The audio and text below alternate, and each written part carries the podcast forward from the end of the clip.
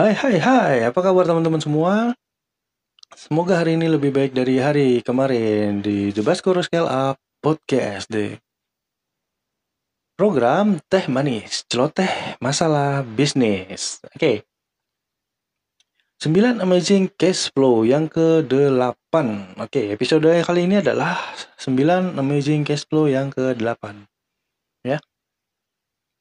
Apa sih 9 Amazing Cash Flow yang ke-8?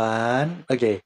9 Amazing Cash Flow yang ke-8 adalah gunakan pihak ketiga. Oke. Pihak ketiga siapa aja nih? Nah, oke. Nah, gini. Sebuah usaha, sebuah bisnis terkadang kita tidak bisa uh, membuat secara keseluruhannya itu menjadi sempurna. Misalkan dari supply dan demandnya kita yang makan semua, ya. Terkadang kita mempunyai keterbatasan, ya. Misalkan dari pembuatan bahan baku sampai barang jadi kita yang buat semua, bisnis kita yang buat semua. Terkadang tidak sekuat itu perusahaan-perusahaan yang yang besar sekalipun belum tentu bisa melakukan hal itu gitu ya maka di episode ke-8 ini gunakan pihak ketiga. Nah gunakan pihak ketiga ini ada banyak hal yang bisa kita lakukan. Ada banyak hal yang kita bisa tidak yang yang bisa kita lakukan. Jadi ketika perusahaan tersebut tidak mempunyai kemampuan untuk melakukan hal atau suatu hal itu kita bisa menggunakan orang lain untuk membantu usaha kita. Misalkan kita butuh supplier ya. Kita butuh supplier bahan baku. Nggak mungkin kan misalkan kita punya punya usaha eh, konveksi tapi kita buat buat kainnya dari benangnya Mending kalau hanya dari benang ya dari sebelum benang kita udah punya bahannya. So berapa lama kita harus membuat sebuah kain yang bergulung-gulung, berpanjang-panjang, bermeter-meter gitu ya.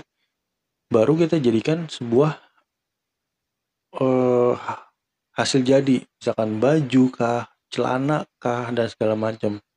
Nah, menyingkat proses itu, perusahaan lebih baik membeli bahan yang bahan baku mentah. Misalkan teman-teman tadi kita bicara soal konveksi, ya. Ketika kita punya konveksi, nggak mungkin kita beli dari uletnya yang bikin benang sutra sampai kita bikin baju sutra kan nggak mungkin. Masa kita harus miara uletnya juga, kita pintal lagi dan segala macam. Nah, untuk memotong proses itu kita menggunakan orang lain atau vendor kalau kita bisa sebutnya. Jadi misalkan kita punya vendor kain, lebih baik kita beli sama dia. Nah, si vendor kain lebih baik beli ke benangnya, ke pabrik benang. Nah, pabrik benang ke nah akhirnya ada beberapa pihak begitu. Nah, tapi ketika kita bisnisnya kita bisa singkat, kita hanya punya pihak ketiga. Antara kita penjual dan yang pembeli kita punya juga supplier. Kita punya juga teman untuk kerjasama di sini. Kita bicaranya adalah kerjasama. Gitu. Jadi teman-teman pihak ketiga itu bukan hanya supplier ya ketika kita tidak punya kemampuan untuk misalkan pengurusan pajak Nah, pihak ketiga kita siapa? Pihak ketiga kita adalah konsultan pajak, gitu ya. Jadi segala urusan pajak kita sudah dikerjakan oleh pihak ketiga karena kita tidak punya kemampuan atau ilmu yang cukup untuk mengurusi itu. Gitu. Selain itu, kita juga bisa membagi rezeki kepada orang lain ya. Ketika pihak ketiga ini dibutuhkan untuk legalitas. Siapa pihak ketiga kita? Bisa notaris, PPATK misalkan dan dan lain sebagainya dan lain sebagainya.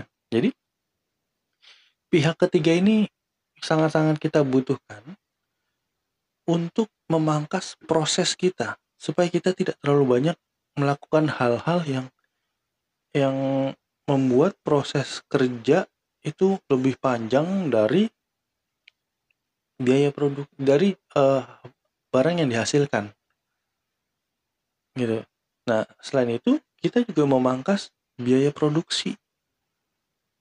Jadi kita bisa menghemat secara finansial. Nah dari menghemat itu kita gunakan pihak ketiga kita cukup bayar atau keluarkan sekian nominalnya untuk sekali kerjasama. Gitu. Jadi banyak cara untuk kita memangkas sebuah proses salah satunya adalah gunakan pihak ketiga ini. Pihak ketiga itu macam-macam dan kebutuhan tergantung kebutuhan kita macam-macam ya.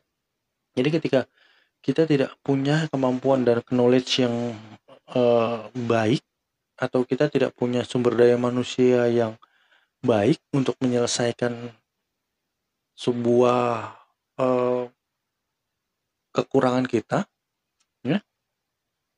lebih baik kita menggunakan pihak ketiga supaya memangkas proses memangkas biaya produksi, memangkas biaya operasional untuk menjadi sebuah profit di usaha kita.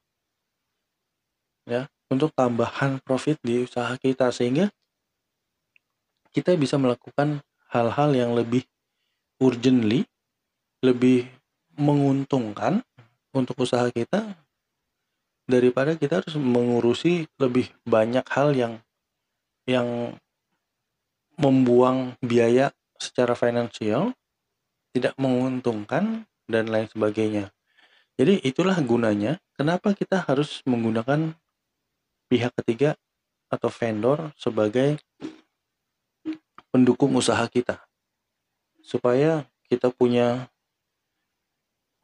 usaha dalam proses lebih cepat dari segi biaya lebih hemat gitu ya dan membuat perputaran uangnya perputaran cashnya itu juga lebih cepat gitu. Jadi ketika kita tidak mempunyai kemampuan untuk suatu hal lebih baik kita menggunakan pihak ketiga sebagai pihak yang membantu kekurangan dari perusahaan kita. So, teman-teman, bagaimana dengan perusahaan Anda? Semoga perusahaan Anda atau usaha Anda atau bisnis Anda lebih berkembang dan lebih menguntungkan sehingga kita semua bisa lebih sejahtera. Oke. Okay. See you on the next episode di The Baskoro Scale Up Podcast di program Teh Manis. Celoteh masalah business.